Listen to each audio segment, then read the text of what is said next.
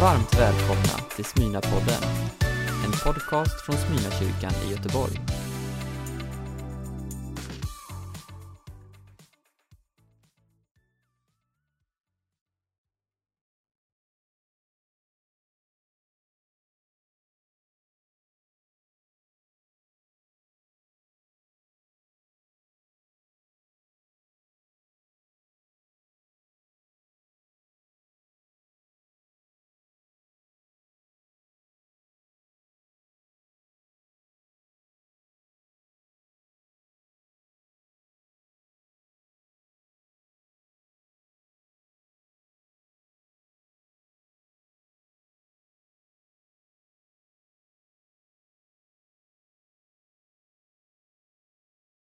Här firar vi en efterlängtad påsk. Mitt i pandemi och orostider så låter vi nu påsken påminna oss om ljusare tider. Vi går ju mot värmen och mot försoning. Vi välkomnar dig att under åtta dagar följa med på vår påskvandring genom Bibelns berättelser. Varje dag i stilla veckan, eller heliga veckan som dessa dagar kallas, kan du följa med på den väg Jesus gick mot döden för att ge oss liv. Du finner alla sändningar på Smyna Play.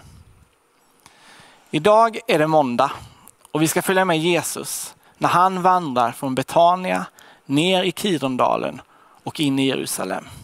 Igår, på palmsöndagen, red Jesus på en åsna in till Jerusalem och idag vandrar han på samma väg tillsammans med sina lärjungar. På vandringen mot Jerusalem blev han hungrig och han gick fram till ett fikonträd för att se om det bar någon frukt. Trots att det inte, att det inte var rätta tiden för fikon. Ehm, det var ju vår och fikonen mogna på hösten. Märkligt tyckte, kan man tycka. Ehm, och Jesus hade nog inte gått fram om det inte hade funnits en liten chans att trädet kunde burit något fikonkart. Små anlag som skulle mogna lagom till höstens skörd. Men det fanns ingen kart på trädet, inget liv, ingen frukt att vänta när hösten skulle komma. Jesus förbannar fikonträdet. Därefter så går han vidare upp till Jerusalem och upp på Tempelberget. Där möttes han av full kommers, business i varenda hörn. Det var långt ifrån ett bönens hus. Det berättas hur han fortsatte den dagen med att rensa templet och sörja över hur illa det blivit med sin faders hus. Morgonen därpå när följet på nytt tar samma väg och passerar fikonträdet så ser de att det är helt förtorkat, ända nerifrån roten. Detta är den enda negativa beskrivningen av ett under som Jesus gör. Händelsen berättas i samband med just tempelrensningen. Jesus fann inget liv i fikonträdet, som är rannsakans träd, och inte heller fann han något böneliv i Herrens tempel. De kom fram till Jerusalem och Jesus gick in på tempelplatsen och började driva ut dem som sålde och köpte i templet. Han välte växlarnas bord och duvförsäljarnas stolar och han tillät inte att man bar något över tempelplatsen. Och han undervisade dem och sa Står det inte skrivet Mitt hus ska kallas ett bönens hus för alla folk men ni har gjort det till ett rövarnäste. Överste prästerna och de skriftlärde hörde det och de försökte finna ett sätt att röja honom i vägen. De var rädda för honom eftersom alla människor var överväldigade av hans undervisning. När vi sjunger den här sången, Se vi går upp till Jerusalem, så är det för att templet ligger verkligen bokstavligen upp på ett berg. Det ligger på Moria berg, samma berg som Abraham skulle offra Isak. Jerusalem var, eh, templet var Jerusalems magnetiska centrum, samlingsplatsen Människor kom från hela Israel och pilgrimer strömmade till från länderna runt omkring. Det är här man vill vara och fira påsk. Mitt i centrum för folkets tradition, tro och tillbedjan. Rabbinerna brukar säga så här att den som inte sett templet i Jerusalem har aldrig sett en magnifik byggnad.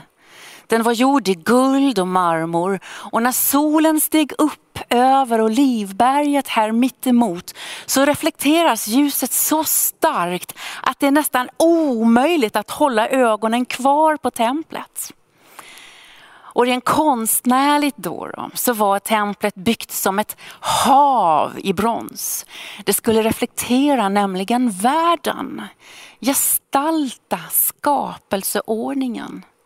Själva tempelbyggnaden skulle korrespondera med himlen, alltså korrespondera med Gud själv.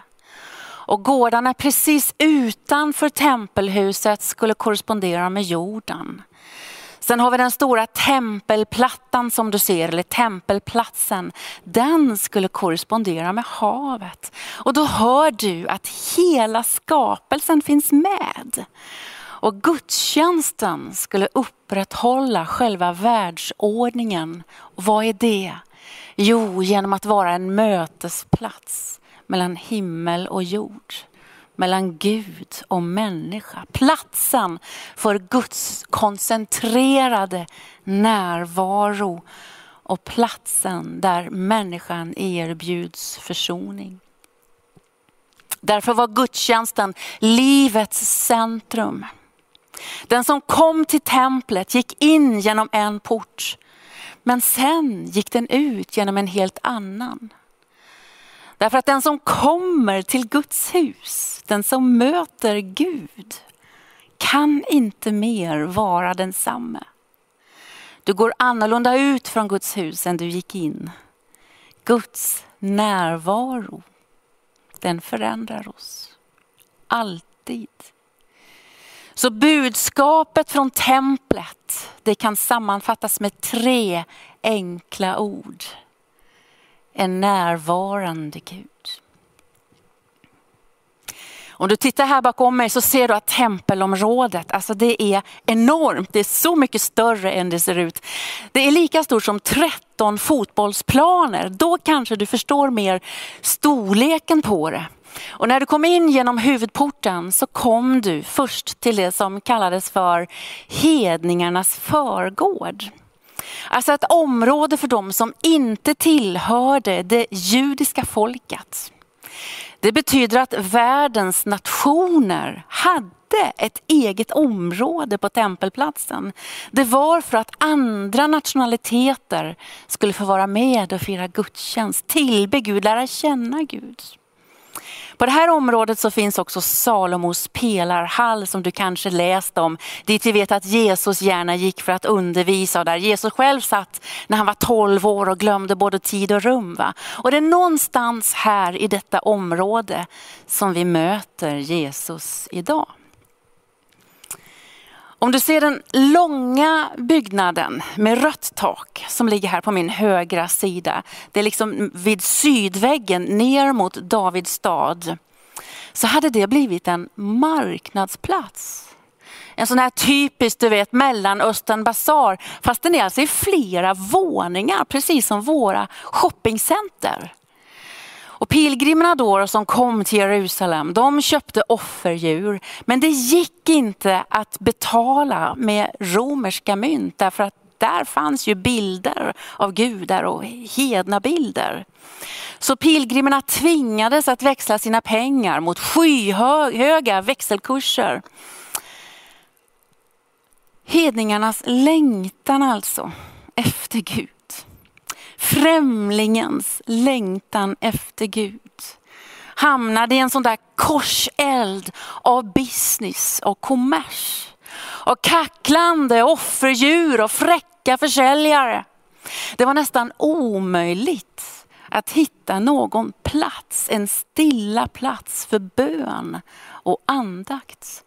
Och på toppen av det hela så användes då tempelplatsen som en genväg för att frakta varor som kom från Olivberget du vet, och som skulle in i staden. Vilket förklarar den här märkliga kommentaren egentligen från Jesus om att inte låta någon bära något över tempelplatsen. För de hamnade mitt i bönerna, mitt i undervisningen. Men nu då, då idag är Jesu tålamod slut. Han är vred, han tillrättavisar och ropar, han välter bord och stolar. Varför gör han det? Ja men templet har blivit en rökridå för orättvisor och förtryck istället för en plats för försoning. Ett religiöst alibi för att hota och pressa folk på pengar. En religiös dimridå för att dölja synd istället för att rena från synd. Skulder lades på människor istället för att lastas av människor. Och genom att göra hedningarnas förgårdor och det som var din och min plats nära Gud till en bullrig, illaluktande marknadsplats så förgrep man sig på Guds plan. Frälsning, försoning till alla folk och alla nationer. Är det inte skrivet, ropar Jesus. Och för oss idag är det faktiskt viktigare att höra det Jesus säger än att se det han gör. För de som hör det Jesus säger idag, de känner skrifterna. Den ena profeten efter den andra hade undervisat om att templet skulle ge plats för främlingar, för folk från andra nationer. Guds hus är aldrig till bara för några få. Guds hus skall alltid reflektera hela världen. Guds hus är en bild av framtiden. Är det inte skrivet, säger Jesus, att mitt hus ska vara ett bönens hus för alla folk? I Bibelns första bok blir Abraham far till ett folk, till en nation. Men Gud såg inte bara Abraham, han såg inte bara en nation, utan Gud säger i dig Abraham ska jordens alla folk, jordens alla släkten bli välsignade. Och i Bibelns andra bok säger Gud att Israel har en speciell kallelse i Guds plan med nationerna. Hela jorden tillhör Gud, säger profeten, och Israels folk ska fungera som präster. Det betyder att när Gud valde Israel så var det inte för att särställa dem, utan för att genom dem visa resten av världen vem han är. Profeten Jesaja profeterade om att alla folkslag ska strömma till Jerusalems tempel för att lära känna Israels Gud. Och när kung Salomo invigde det första templet så profeterar han och säger att den främling som kommer till templet för att be, den främlingen ska Gud i himlen höra.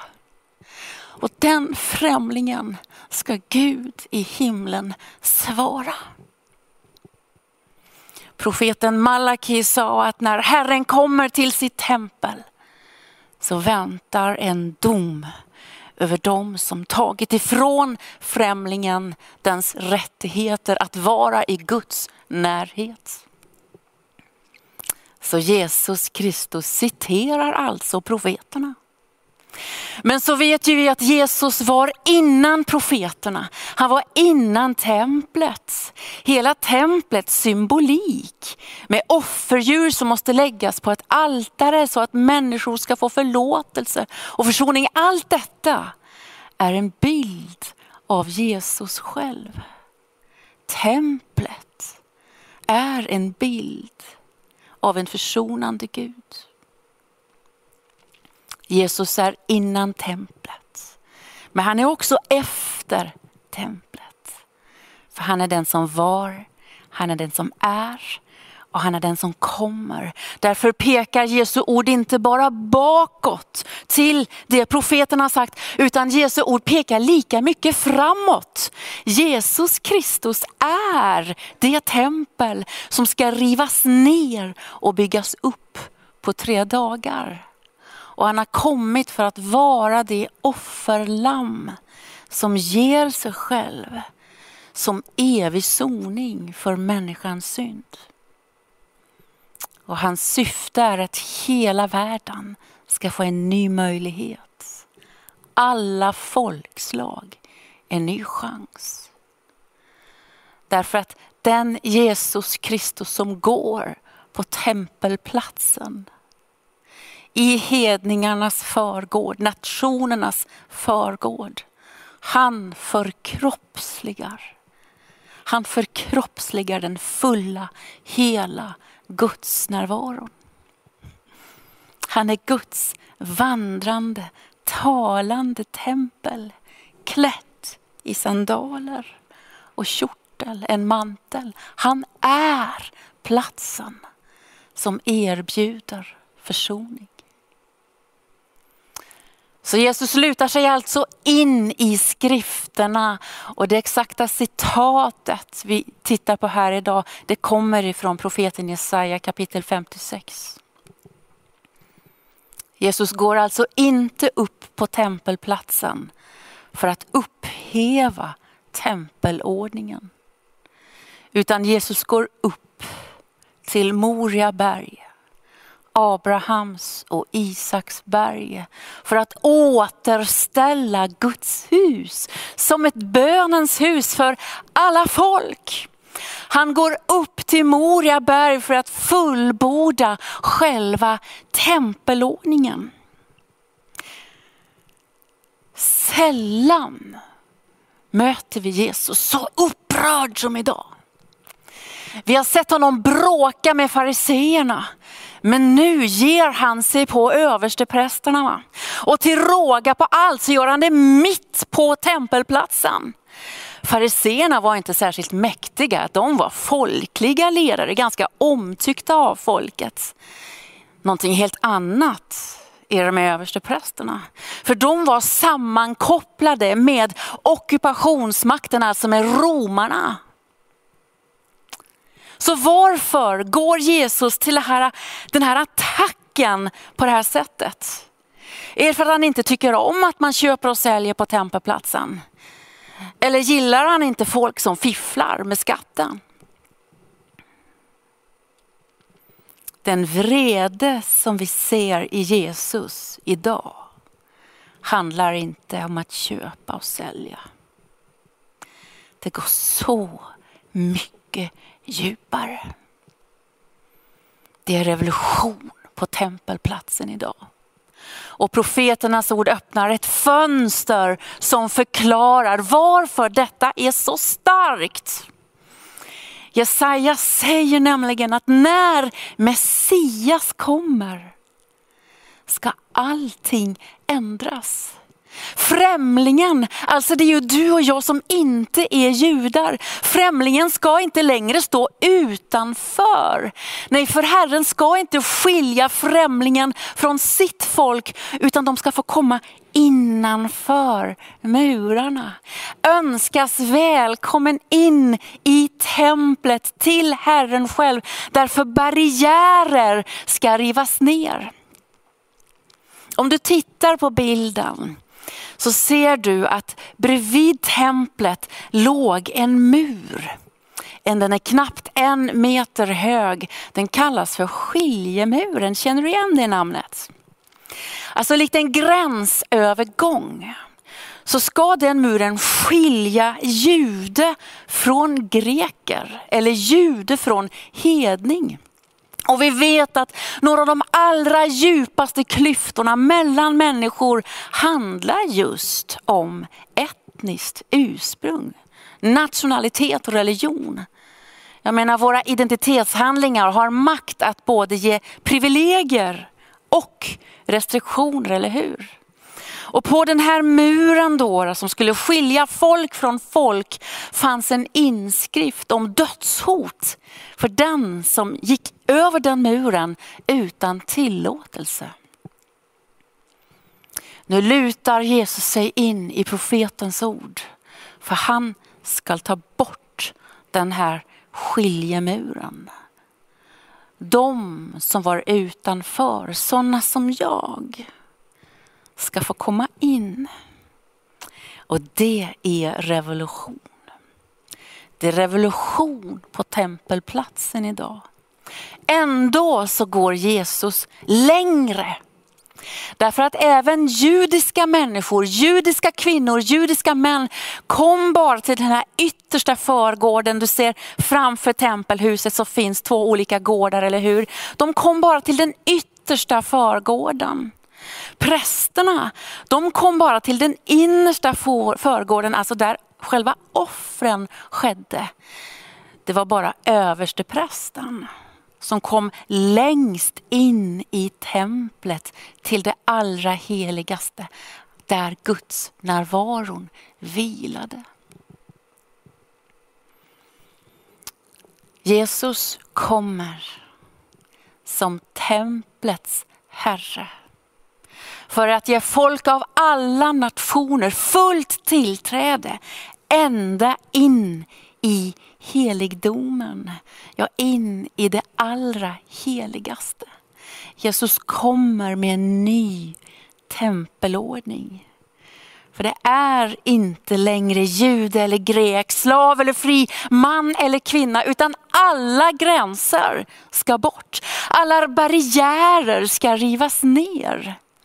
Och nu ska inte vi liksom föregripa oss på historien i vandringen vi just nu befinner oss i. Men det är denna mur, denna skiljemur som Paulus refererar till när han skriver i Efesierbrevet att vi, vi var ju utan hopp för vi var utan Gud i världen. Men nu, genom Jesus Kristus har vi kommit nära för han har rivit skiljemuren. Om du kan se Jesus framför dig idag på tempelplatsen så kommer han som det levande förkroppsligade tempel. Så går Messias in i templet, i Guds tempel och renar det. Och när han gör det så återupprättar han själva skapelseordningen som är mötesplatsen mellan himmel och jord. Mellan mig och Gud, dig och Gud. Så öppnar han en väg till försoning för alla människor. Vad händer när Jesus gör detta. Matteus har med sig några detaljer kring just den här händelsen som gör mig väldigt berörd. Va? Därför att omedelbart efter att Jesus har renat templet så står det att blinda och lama kom fram till honom. Och han botade dem. Och när barnen ser vad Jesus gör så står det att de började ropa i glädje och sjunga lovsånger. Det var nämligen så här att inga lama, blinda, sjuka fick komma i närheten av Guds hus. Visst var det djupt orättvist, va? men det var så det var.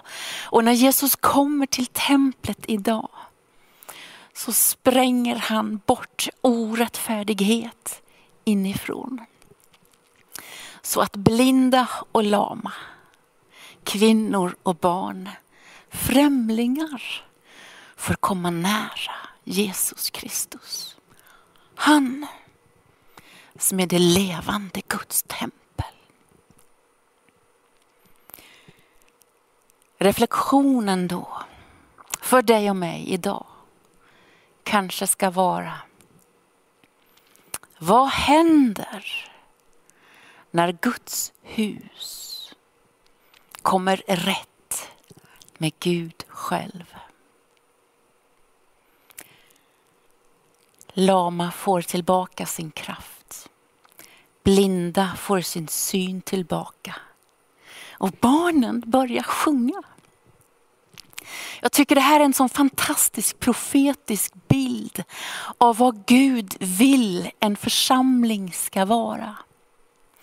Där tempelplatsen i Guds församling är städat. Där får församlingen tillbaka sin kraft. Hon slipper vara paralyserad och profetiska ögon öppnas och barnen börjar lovsjunga Gud. Alla vi som är Guds barn, vi börjar tillbe den helige, den närvarande, den försonande guden. Det är ett ransakande budskap som möter oss idag på tempelplatsen. Alla kyrkor, katedraler, missionshus, församlingshus behöver städa sin tempelplats. Se till att Guds hus alltid är en stor öppen dörr för alla sorts människor och alla folk och etniciteter. Se till att Guds folk är ett Guds närvarocentrerat folk som går till Guds hus för att låta sig förändras och förvandlas av hans närvaro och för att lovsjunga hans heliga namn.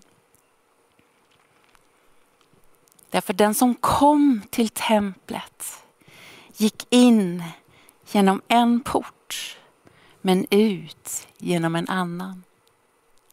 Den som kommer till Guds hus, den som möter Gud är inte mer densamme. Du går annorlunda ut än när du gick in. Därför att Guds närvaro förändrar oss. Alltid.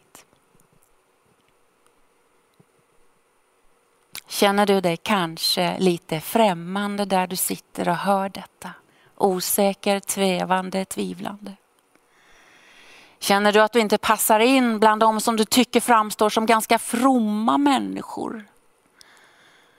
Det finns ett budskap till dig också från tempelplatsen idag. Det är att det finns en plats som är just för dig. Stanna inte utanför. Du kan få vara innanför. Du måste inte vara på ett visst sätt för att passa in. Utan dörren är öppen. Det finns en plats för dig. När Jesus går till domstol mot templet så beseglar han samtidigt sitt öde. Och det blir stötestenen som leder mot korset.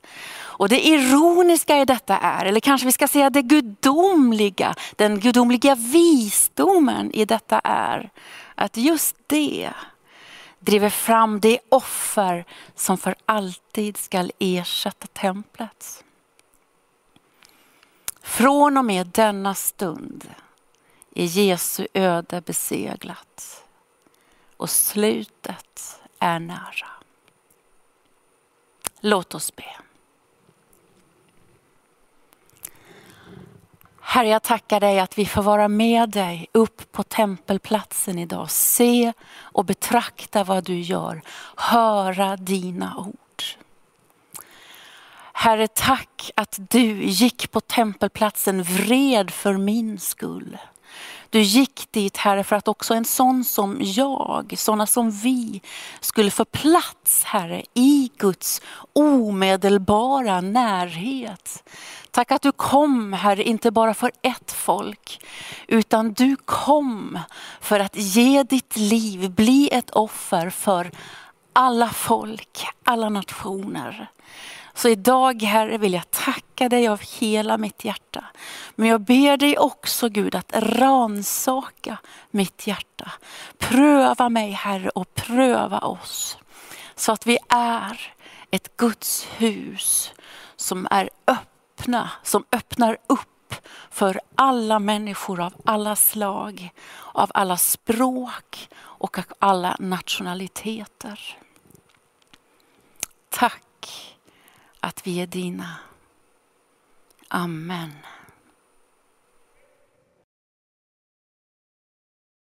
Du har lyssnat på en predikan från Smyrnakyrkan i Göteborg. Hjärtligt välkommen att lyssna igen eller besöka Smyrnakyrkan.